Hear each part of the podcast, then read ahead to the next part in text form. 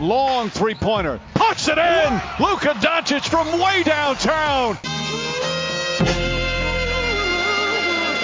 Spins on Jackson. Layup. It's good. 40 point triple double. And the Mavericks are up two. Finney Smith to inbound. Back to Doncic. Doncic pulls up. Three pointer. Bang! Bang! It's good. Doncic wins the game at the buzzer. Let's go! Luka Doncic! Jojo, Marko, živijo, pozdravljen, kako si, kako gre, lepo zdrav, cele, seveda. Ja, zdravo, Matej. Uh, bi rekel, bi, da sem super, ampak sem že kar malo živčen.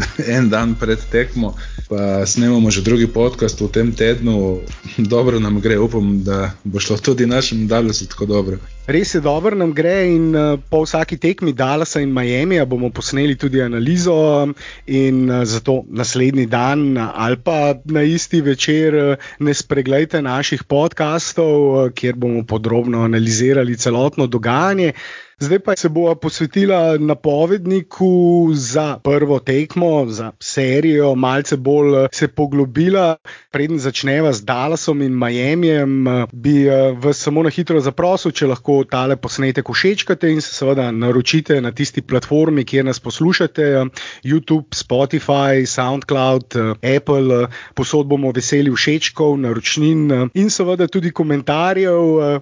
Po zadnjem podkastu je bilo dosti zanimivih komentarjev, nekaj tudi takih, eh, ki so nas pokritizirali, predvsem Blaža in mene, eh, ko smo spekulirali o tem, da za slovensko reprezentanco niti ni tako slabo, eh, da bodo Mavriksi v prvem krogu igrali proti Clippersom. Ja, niso nas pokritizirali, ampak tebe in Blaža, tako moraš povedati. Ja, ja res je. Blaž je bil tisti, ki je bil najbolj zagret za to idejo. Jaz sem pa tam nekje, da bi bilo morda najbolje za Dallas, da naredi korak naprej, se uvrsti v drugi krok in potem izpade. To je seveda lep korak naprej za Dallas in zmaga proti Clippersom v prvem krogu bi bila tudi neka lepa krona te sezone. Potem pa lahko Luka pride še z reprezentanco narediti korak naprej naprej in uh, reprezentanco popeljati na prvi zgodovinski nastop na olimpijskih igrah. To bi bila taka kompromisna rešitev, Marko. Matej, vseeno se ne boš izvlekel na dimka, ki vam ga namenja ena naša komentatorka, če da se čajno zmaga, namreč loserja. In z veseljem ga bom uporabljal večkrat, če Luka res zmaga, oziroma da se.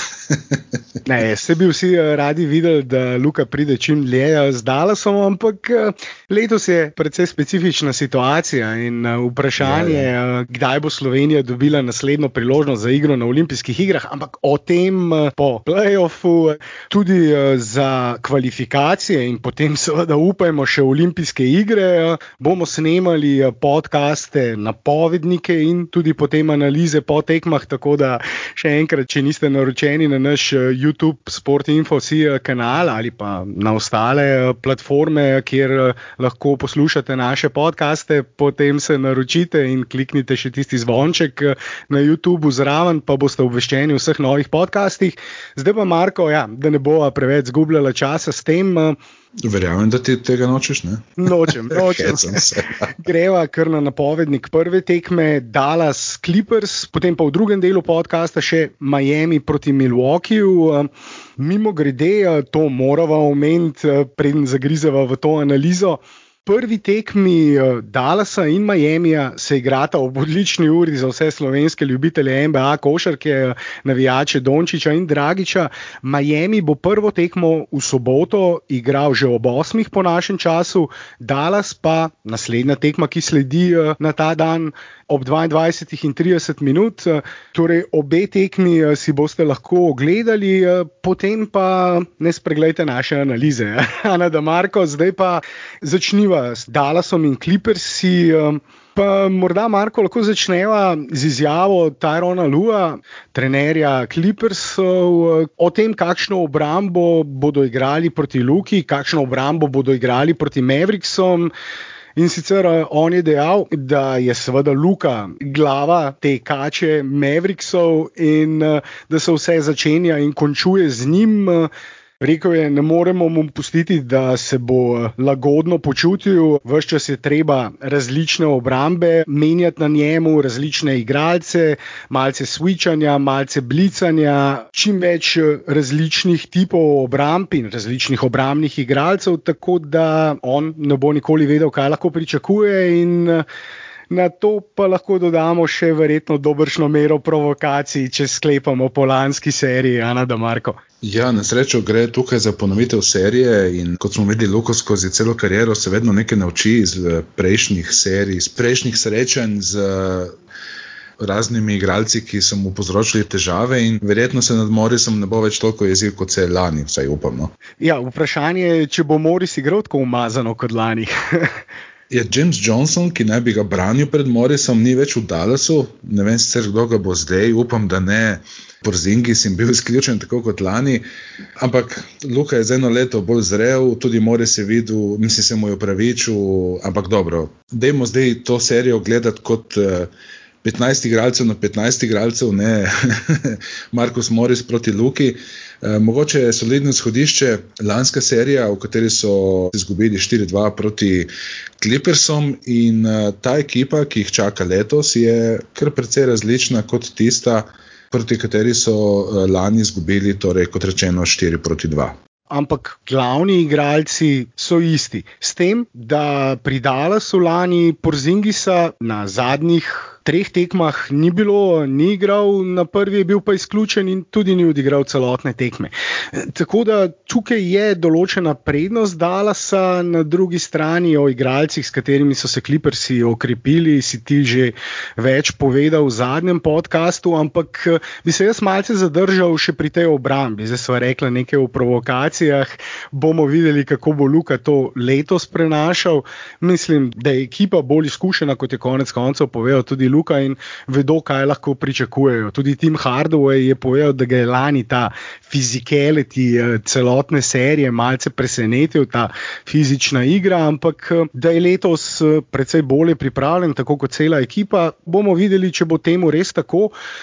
Ampak ta obramba, Marko, ki jo bojo igrali na njemu, zdi se dejansko, in to je pravzaprav veljalo že lansko sezono, zdaj pa mogoče z dodatkom Batuma še malce bolj, um, da so Clippersi idealna ekipa za zaustavljanje takega igralca, kot je Luka Dončić. Imajo namreč dovolj igralcev, ki so dovolj visoki, močni in hitri, da lahko Luko pokrijejo, potem imajo pa še tiste nadležne muhe, eh, brenčače, kot sta Pet Beverly in Rajon Rondo, ki boste pa lahko luko preganjala in pokrivala po celem parketu.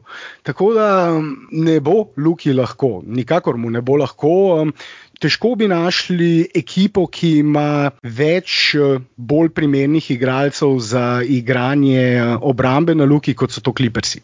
Ja, in težko bi našli tudi ekipo, ki je tako odvisna od enega igralca, kot je Dallas odvisen od Luke. In tudi to je včasih njihova slabost, ravno proti tašni ekipi, kot so Clippersi.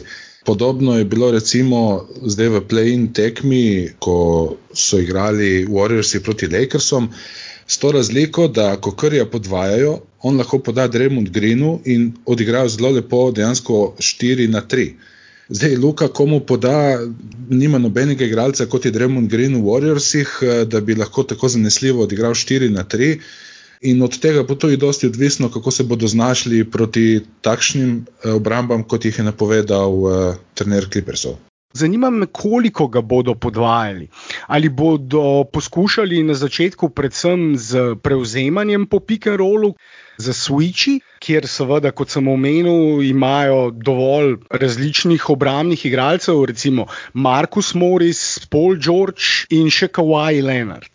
Luka lahko recimo išče switche, ampak po vsej verjetnosti s temi tremi na parketu lahkega switcha, ki bi ga zlahka izkoristil, ne bo dobil. Primarno ga recimo lahko pokriva Markus Morris, ampak potem po switchu na njega pride Paul George ali pa Kawhi Leonard.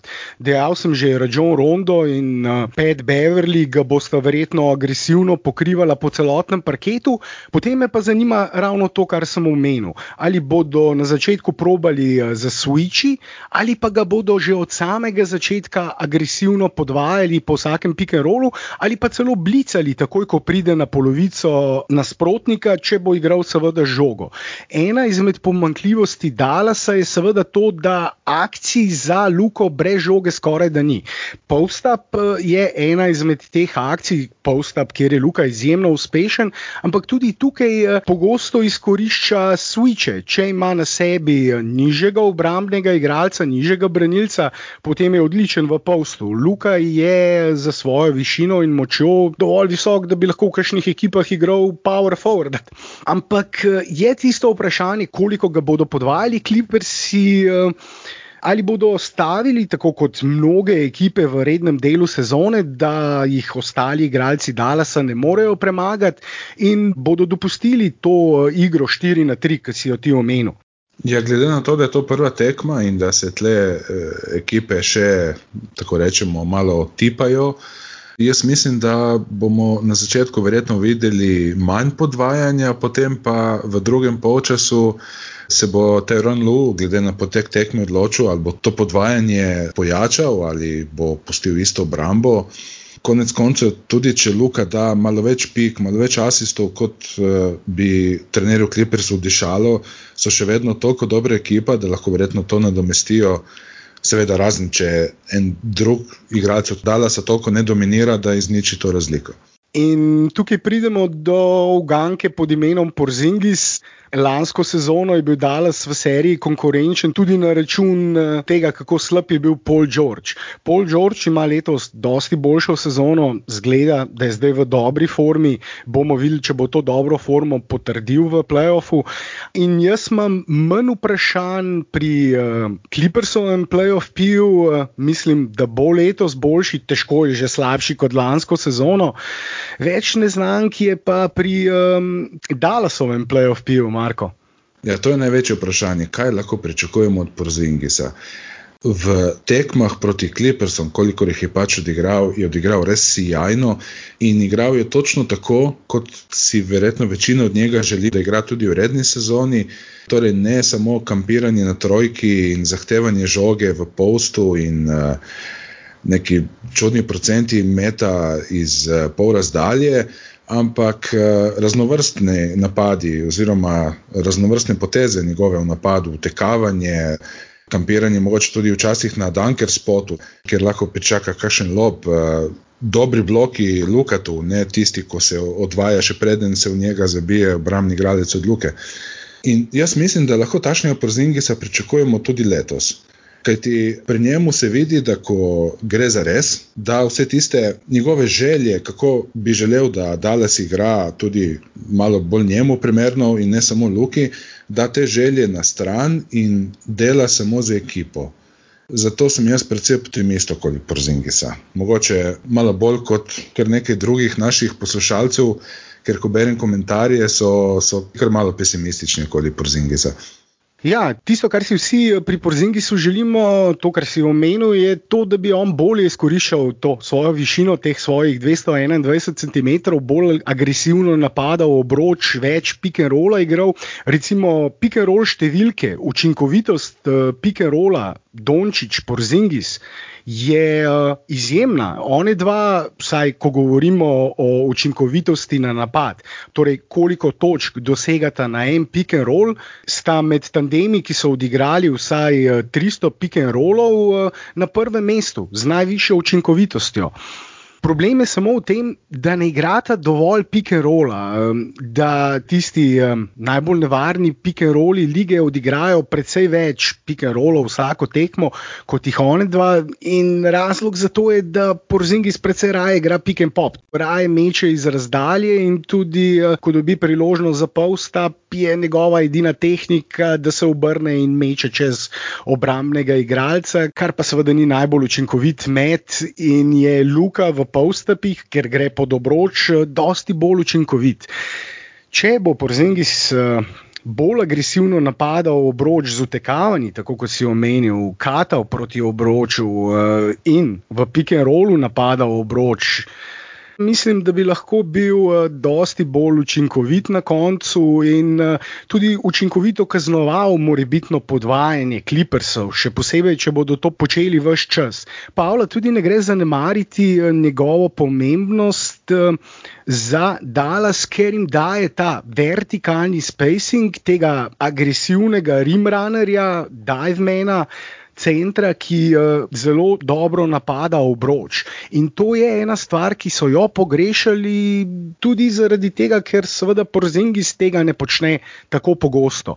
In uh, on Pavel namreč eh, dodaja neko dodatno dimenzijo tej igri na tekmah v drugem delu sezone, ko so Luko podvajali in je našel eh, Pavla, je Pavel zelo učinkovito reševal te situacije ali zaključeval, ali pa če je prišla pomoč pod obročem, našel prostega streljca v kotu, eh, ki je potem neovirano metal, tako da mm, nasprotniki tega niso mogli več kaznovati tako kot predtem. Me pa ja, zelo zanima, kako bo eh, v tej seriji s Clippersi. Eh, tudi, recimo, Zubac je lahko tukaj faktor, eh, njega je Taron Lu ne zdaj v zadnjih izjavah, ampak že pred nekaj časa omenjal kot eno skrito orožje za obrambo na Luki Dončiću ker eh, je Zubac v lanski seriji eh, pod obročem kar učinkovito pokril Luko, eh, mu dal dovolj prostora v prodoru, da ga Luka ni mogel prehiteti, dal prostor na trojki ali pa spol razdalje in ga potem kar dobro pokril pod samim obročem, kjer je Luka lansko sezono bil res izjemen. In, ga skoraj nobena ekipa ni mogla zaustaviti. Letos so se nasprotniki dosti bolje prilagodili na to in eh, ob slabšem metu za tri Dalasa kot lansko sezono, zato eh, tudi lahko bolj eh, zgostili obrambo pod obročem. Luka je pa na to odgovoril z boljšim metom, s pol razdalje. In me zanima, če bodo proti njemu igrali drop coverage. Kako bo ta matchup na zubcu, ali pa če bo tako igral Ibaka, recimo, kako eh, bo potem zaključeval te napade, kako uspešen bo spol razdalje. Letos je bil izjemen spol razdalje, skoraj da 50 odstoten pri metih spol razdalje. Povprečje lige je tam nekje 43-44 odstotkov, tako da res govorimo o izjemnih odstotkih. In če bo tako eh, metal spol razdalje tudi v tej seriji, potem um, drop coverage v obrambi um, centri Clippersov ne bojo mogli izkoristiti. Ja, Matej, kar se tiče Dwight Pavla, v redni sezoni je z tem, kot se reče, vertical spacing eh, res eh, zelo pomagal Luki pri pick and rollih. Mislim, da teh priložnosti ne bo toliko proti Clippersom, ker se bo verjetno obramba bolj zgostila pod obročem in bodo sigurno tudi bolj pazili na to opcijo. Jaz tukaj kot eh, nek X-faktor vidim Jelena Bransona, ki ga lani ni bilo. On lahko služi kot en takšen sekundarni distributer, sekundarni eh, playmaker, na katerega se lahko zanese luka, ko ga klipersi podvajajo. Problem seveda je v obrambi, ker je Branson toliko manjši proti vsem tem uh, velikim krilom klipersov. Ampak vsaj v nekaterih delih tekme se lahko luka tudi na njega zanese, ko se obramba klipersov skoncentrira prav na luko. Uh, In uh, kot smo tudi videli, Branson je v tem letu precej napredoval. Če odštejemo zadnjih nekaj tekem, ker je bil malo slabši, je nasplošno čez sezono igral res odlično in lani so ga kar pogrešali. Branson zna biti X-faktor, en zelo pomemben faktor, ki bo na koncu verjetno tudi pretehtal pri tem, uh, kdo bo zmagal to serijo, je pa med za tri točke. In uh, tukaj moramo omeniti, seveda, da so Clippersi letos imeli zgodovinsko dobro šutersko sezono.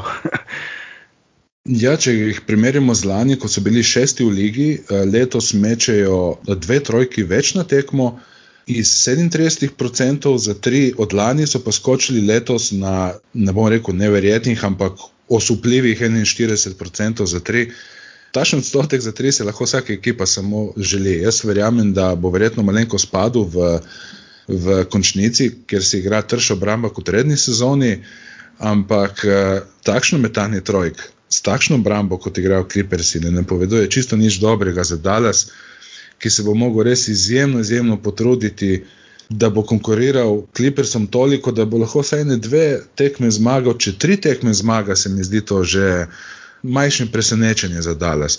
Ne smemo pozabiti, da so pred sezono dodali Nikolasa Batuma v ekipo, ki je dober obrambi in tudi meče 40% v trojke. Letos Luke Kennard je tudi dober sostrelec ki ga Teron Lu prve pol sezone nekako ni maral, ga je puščal na klopi, potem pa se je vedno bolj zanašal na njega in prihaja tudi on v dobri formi v, v končnico. Patrick Beverly, ki lani ni igral, meče letos 40% za tri, za štirih trojk na tekmo.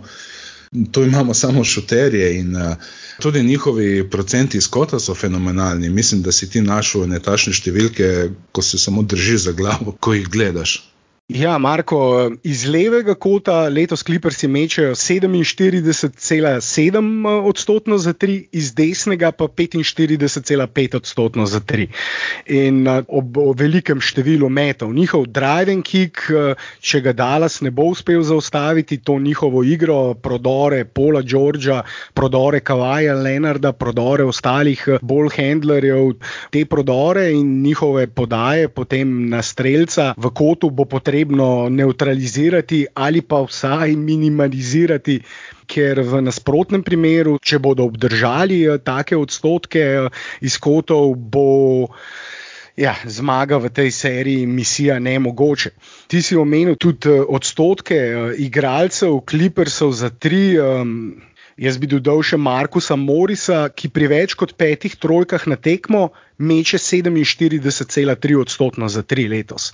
Večino tega so seveda catch and shoot meti, torej meti eh, po sprejeti podaji, in dosti teh metov je eh, tudi ne neoviranih, ampak relativno odprtih, ravno zaradi te njihove drive and kick igre, prodorov in potem uspešnih podaj na zunanje položaje, predvsem seveda v kot, ampak tudi iz ostalih položajev so zelo uspešni. Kenard meče skoraj 45 za 3, Reggie Jackson preko 43 odstotkov, Rajon Rondo meče preko 43 odstotkov. Recimo Kawhi Leonard je med najslabšimi po odstotku v ekipi letos letos in še vedno meče skoraj 40 odstotkov za 3, 39,8, pa je v spodnji polovici eh, po odstotku meta, tako da Paul George 41,1. Dejali smo, kot ekipa so 41,5 odstotni in uh, res bo to uh, en zelo trd oreh za Dallas, ki je pa za tri uh, letos manj učinkovit, kot je bil lansko sezono, z menjavo Seta Curryja za Josha Richardsona, za katerega smo vsi mislili, da se bo malce bolj izkazal, da bo morda pokazal take igre, se približal tistim igram iz najboljše sezone v Miamiju. Dallas je ravno na račun tega, da so želeli izboljšati obrambo, popraviti obrambo, šel v to menjavo, ampak na koncu imajo po zaključku te sezone slabši napad in slabšo obrambo, če gledamo njihovo učinkovitost danih košev na 100 napadov ali pa prijetih košev na 100 napadov, so slabši kot lani v obeh kategorijah. Ja, Matej, mislim, da ima eh, nekaj s tem upraviti tudi letošnja sezona, ki je ofenzivno, verjetno najbolj učinkovita sezona v zgodovini NBA. Neverjetno, Marko, kar je najbolj učinkovita sezona v zgodovini NBA. Mislim, da sem ravno v debati pred podkastom omenil, eh, kako je lani imel Dallas v zgodovini NBA najboljši napad, oziroma najbolj učinkovit napad, letos pa ga je prehitelo 4, 5, mogoče celo 6 ekip v učinkovitosti. Marko, sedem ekip ima letos uh, bolj učinkovit napad kot Dallas Mavericks lani, ko so imeli najbolj učinkovit napad v zgodovini. Letos je ta Dallasov rekord porušilo kar sedem ekip. Dallas je pa osmi. No, torej, Dallas uh, ni precej padel v napadu od lani, so se pa drugi toliko izboljšali, da relativno pač ni več tako pri vrhu kot lani. Eh, razlogov za to je verjetno več. Primarno mislim, da bi znalo biti eh, to, da gledalcev ni bilo. Predvsej igralcev je omenilo, da je vzdušje na tekmi podobno kot vzdušje na treningu, kjer so lahko mogoče malce bolj sproščeni. Zdaj pa, ko so se v ZDA eh, precej precepili proti COVID-u, lahko spet pričakujemo dosti gledalcev. Mislim, da v Dallasu približno dve tretjini dvorane, mislim, da to je 12-13 tisoč ljudi. Če bodo zaradi tega padli procenti, trojke bomo, bomo še videli. In zanimivo bo tudi videti, kakšna bo naslednja sezona proti letošnji, eh, vse kar se tiče napadalne učinkovitosti, ko bodo spet dvorane polne. Ampak dobro, pustimo zdaj primerjavo teh sezon za naprej, za nazaj. Ja, ne, to je vsekakor zanimivo vprašanje, kaj je botrovalo tem zgodovinsko dobrim napadom, tej zgodovinsko dobri napadalni sezoni v Ligi NBA. Ker namreč ena stvar, ki jo zaznamo tudi v statistiki, da domača moštva še nikoli niso bila tako neuspešna, prednost domačega parketa ni igrala tako majhne vloge kot letos. Tako da ta faktor navijačev se nazorno pokaže v tem, kako pomembni so, in eh, če jih ni, eh, to seveda tudi ne predstavlja te dodatne prednosti za domačo ekipo, in eh, očitno nobenega strahu se roke nasprotnikov čisto ne tresajo. V kakšni meri je zdaj to odvisno za te zgodovinsko dobre napade, ne vemo, ampak Marko nekaj mora reči tudi o obrambi Dalasa. Predvsem zato, ker še ne vemo, če bo Kleber igral. Kleber je eden od dveh, treh najboljših obrambnih igralcev Dallasa, lani nesporno najboljši obrambni igralec Dallasa, to sezono pa tudi on po težavah s COVID-om, pa še nekaj manjših poškodb, ni bil na nivoju lanske sezone, ampak še vedno, predvsem če govorimo o obrambi na Kowaju, Leonardu, je v lanskem playoffu on bil najbolj učinkovit v tej obrambi. Drugi obrambni igralci, Dorian Finney-Smith, je recimo prenizek in tudi ne dovolj močan, tako da bo on verjetno Pola Đorđa prevzel, za Kowaja bi pa potrebovali Kleberja, ne vemo pa še po teh zadnjih težavah, zadnji poškodbi, če bo zaigral in to bi bila v obrambi Dalasa kar precejšna luknja, ravno ko govorimo tudi o teh podajah na tri, če bo potrebno pomagati na Kowaju, Leonardu v vseh prodorih če ne bo kleberja, seveda potem eh, bo to pomenilo tudi ja, veliko teh neoviranih metov. Ja, tukaj bomo mogoče končno dobili odgovor, zakaj je Dallas menjal Karija za Richardsona. Kajti Richardson je obrambni specialist, sicer eh, malenkost nižji od Leonarda in Paul Georgea, tudi malo lažji. Daleč od tega, da bi bil tako močen kot Paul George, da o Leonardu sploh ne govorimo. Ampak mislim, da pri prevzemanju lahko verjetno upravi dobro nalogo, verjetno ne tako dobro kot uh, Kleber, ampak smo prepričani, da boljše, kot bi jo opravil Seth Curry. Kar se tiče Richardsona v obrambi, eh, tudi tukaj eh, ni bil tako dober kot v najboljših letih v Miami, morda celo ne tako dober kot lansko sezono v Filadelfiji ampak ja, upajmo na najboljše. Na koncu bo, in to je jasno, največ zopet odvisno od luke, pri Dallasu. Pri Clippersih bo pa največje vprašanje, kako zaustaviti Luko in na kakšen način ga bodo zaustavili, oziroma zaustavljali. Ja, Matej, kar se tiče Richardsona, mogoče res boljše odigral v Brambi lani v Filadelfiji kot prej v Miami. Ne smemo sicer pozabiti, da je Filadelfiji štartov iz klopi, torej igral proti, eh, večinoma proti drugim peterkam. Letos pa je igral uh, skoraj izključno v prvih peterkah in kriv najboljšega ali pa drugega najboljšega napadalca iz uh, nasprotne ekipe. Videli smo, da je Carlisle eh, v zadnjih nekaj tekmah malo eksperimentiral s prvo postavo in uh, vključil Hardawaya uh, v prvo postavo na račun Richardsona, ki je štartov iz klopi. Mogoče pa se je pripravljal na končnico, to bomo še videli. Ja, Zaenkrat pravzaprav težko napovemo prvo peterko. Zdi se, da ima sedaj Tim Hardway Jr. prednost, ko govorimo o napadu. Seveda, Richardson je še vedno nekaj boljši v obrambi in to je bil tudi razlog, da je Karl tako dolgo z njim ustrajal v prvi peterki. Verjetno bo imel Hardway zdaj prednost tudi na tej prvi tekmi v prvem krogu, potem pa seveda v seriji na štiri zmage se lahko trenerji sproti prilagajajo.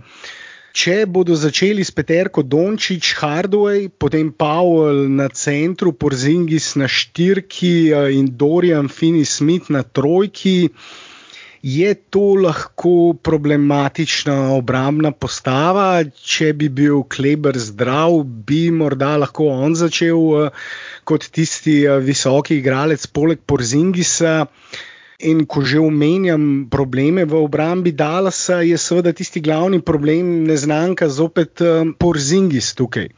Luka, mislim, da je do sedaj že pokazal, da lahko na switchih eh, pri prevzemanju igra dobro obrambo, ne celotno tekmo, seveda, ampak v določenih posestih Clippersov dobro igra tudi na Kawaju, tudi na Polu Georgeu, tudi na Markosu Morisu.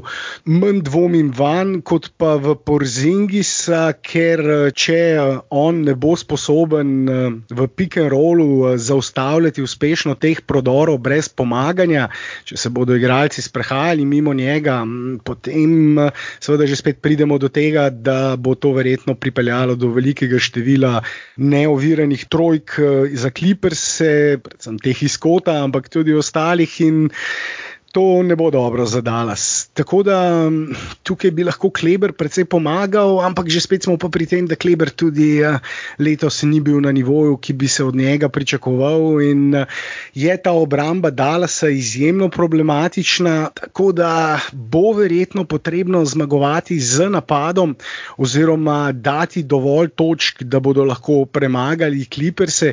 Dvomim, da jih bodo lahko zadržali. Pri dovolj nizkem številu eh, točk, da bi lahko zmagali za voljo obrambe. Tudi v skoku poznamo probleme Dalasa to sezono. Tako da napad Dalasa bo moral igrati eh, tekoče, hitro najti rešitve za različne obrambne postavitve Clippersov. Eh, če temu ne bo tako in če Luka ne bo MVP te serije ob vseh neznankah in pomembnih igralcih je, mislim, da najbolj pomemben igralec te serije v obeh ekipah, Luka Dončić. Dallas je bolj odvisen od Luke kot Clippersi, od Kawaja, Paula Georgea ali katerega koli drugega igralca, brez eh, Lukove odlične igre, brez tega, da bo eh, Luka blizu 30-točkovnemu trojnemu dvojčku, učinkovitemu 30-točkovnemu trojnemu dvojčku brez tega, da bo Luka nadigral Kawaja na drugi strani, Dallas ne bo prišel v drugi krok.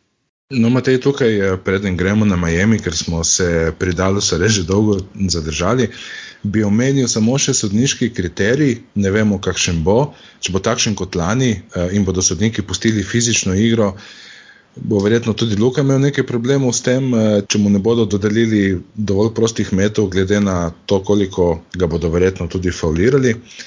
Za konec z moje strani, glede Dalasa, bi pa samo še povedal, če se spet malo vrnem k mojim dnevom eh, navijaštva za Houston in Hardna. Eh, ravno to, kar si zdaj govoril, kako dvigne Luka nivo svoje igre v playoffih. Navijači Hardna so se veselili nad eh, temi izbruhi, točkovnimi med redno sezono, ampak vedno je bil prisoten nek strah, kaj bo zdaj, ko bo playoffi. Pri Luki pa je ravno obratno in to je za me tako, ko bi rekel, osvežujoče.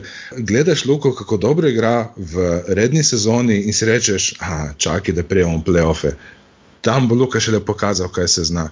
In ne morem ti povedati, kako se veselim teh njegovih iger in ko me čakam tekmo. Ja, pričakovanja pri Luki so vedno tista najvišja, in um, ne dvomim, uh, da jih bo letos zopet upravičil. Res je, Marko, zdaj so celo več povedali v Dallasu, kot smo nameravali. Zato morda pojdiva zdaj še na drugi uh, par, ki si ga boste lahko ogledali v soboto.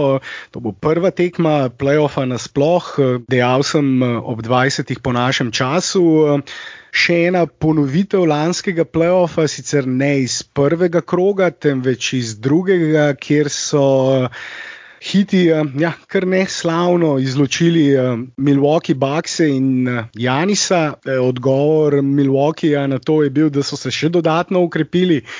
Že spet o okrepitvah v prejšnjem podkastu, da se ne bova ponavljala, Džeruholi, da je tista glavna, seveda. Ampak glavni X-faktor, ko smo že govorili o teh pri Dallasu, pa je pri Miami vsaj eden od, ja, pa lahko kar začneva z njim, Goran Dragič. Miami brez takega Gorana, kot so ga imeli v lanskem playoffu, kjer je do finala bil prvi strelec ekipe z več kot 20 točkami na tekmo, ob seveda učinkovitih odstotkih.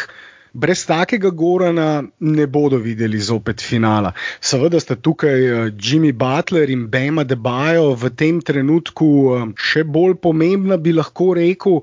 Čeprav bi lahko o tem diskutirali. Namreč Miami nima izrazitega superzvezdnika, Miami je vakača, nima ene glave, tako kot Dallasova, ampak jih ima več. Tista največja glava, če tako rečem, je seveda Jimmy Butler, vendar je pri celotni zadevi Bema Debajo prav tako pomemben v obrambi in napadu. Tudi v napadu igra pogosto teče preko njega, preko njegovih handoffov. Miami je ena od ekip, ki največ uporablja to akcijo hand-off, torej predajo žoge v postavitvi bloka, ki omogočajo potem prodore njihovim branilcem, Dragiču, Tylerju, Heroju, Nanu.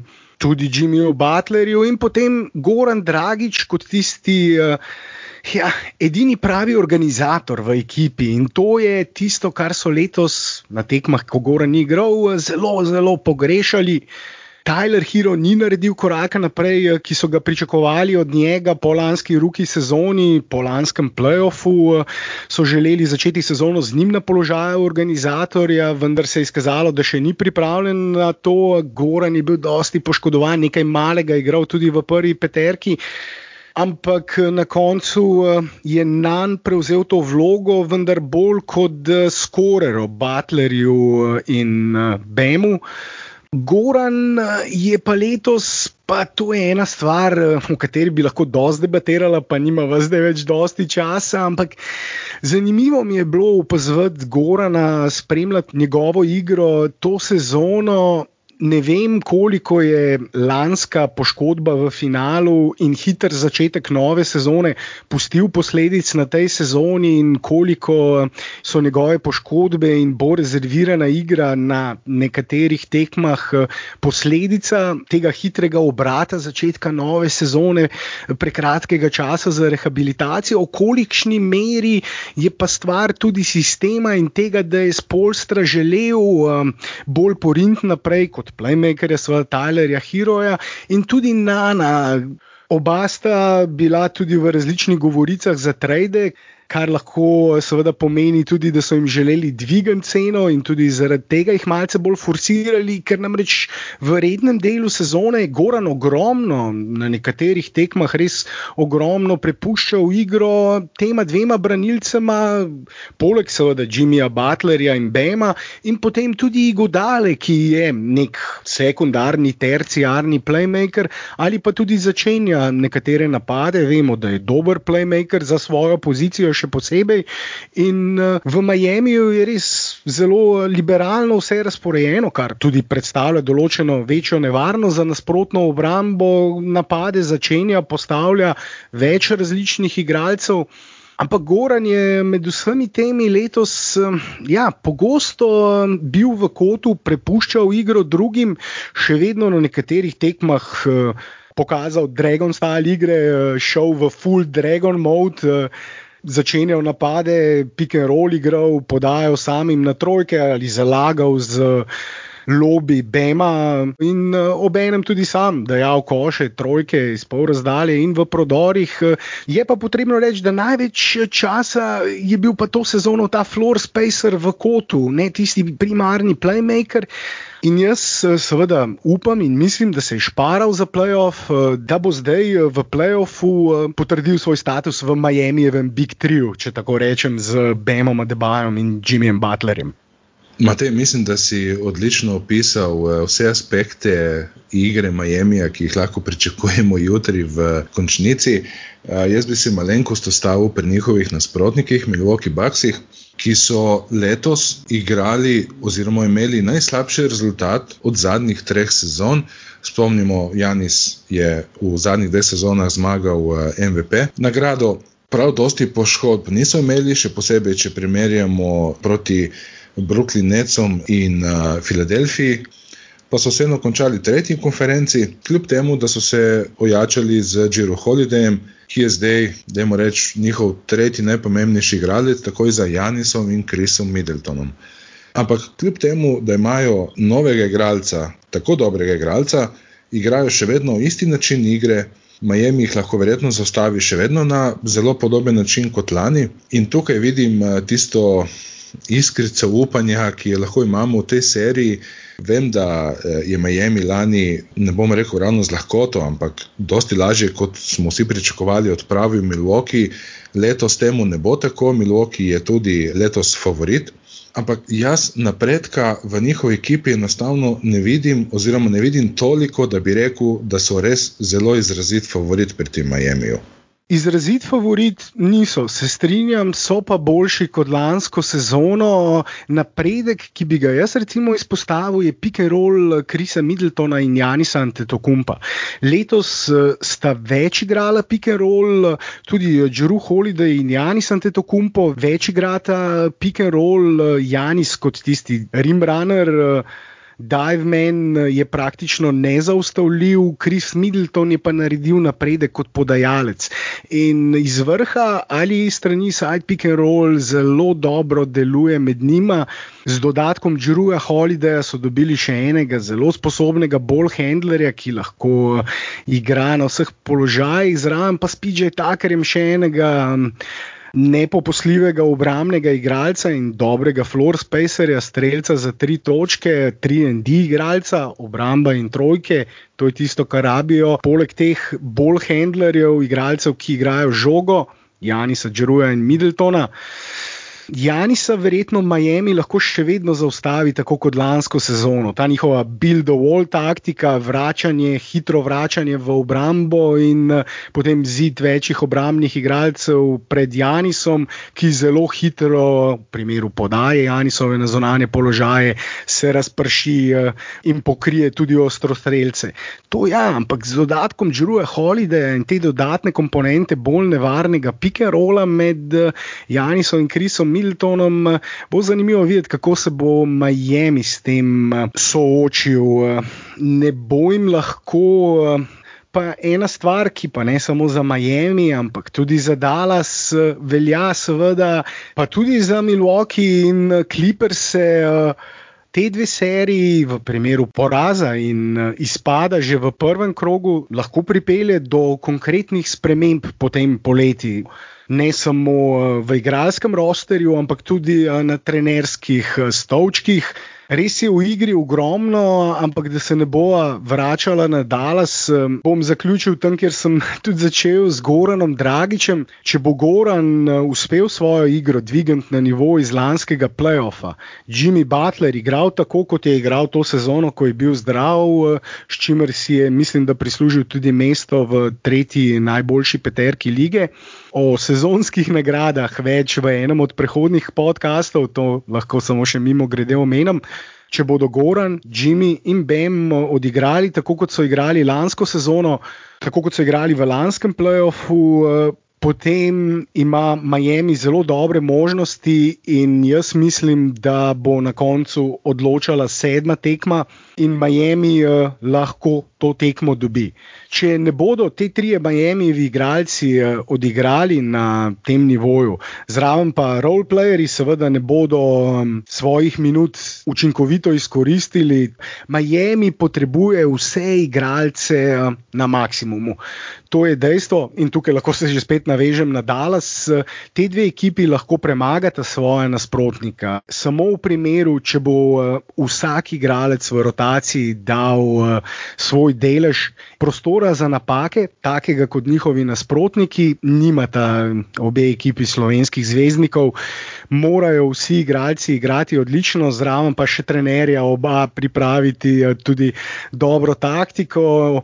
Marko, dolga so bila, dolg sem bil, ja, danes sem se razgovoril. Uh, upam, da sem ti pustil uh, dovolj prostora, da si povedal tisto, kar si želel. Um. Pa, le, se tudi jaz te rad poslušam. Jaz sem mogoče malo bolj redko beseden kot ti, ampak pač tudi, tudi mi podcasti ne moremo razviti neko kemijo med sabo, tako kot igralci na igrišču ali kjerkoli drugje na delu in uh, drugih področjih. Prav ima šli bila sva kar dolga, predvsem z Dallasom. In kar se tiče tega, eh, če je kdo povedal dovolj, oziroma tisto, kar si želi, med eh, to serijo, še posebej po tekmah, se bomo večkrat slišali, se veselili ali pa mogoče ne, upam, upam da da, eh, zmag Dallas in Miami. Analizirali in upam, da boste tudi vi poslušali, in na tej točki se bom zahvalil tako tebi, kot vsem poslušalcem za poslušanje. In se slišimo v kratkem. Adijo. Velja, se slišimo, ajde, čau.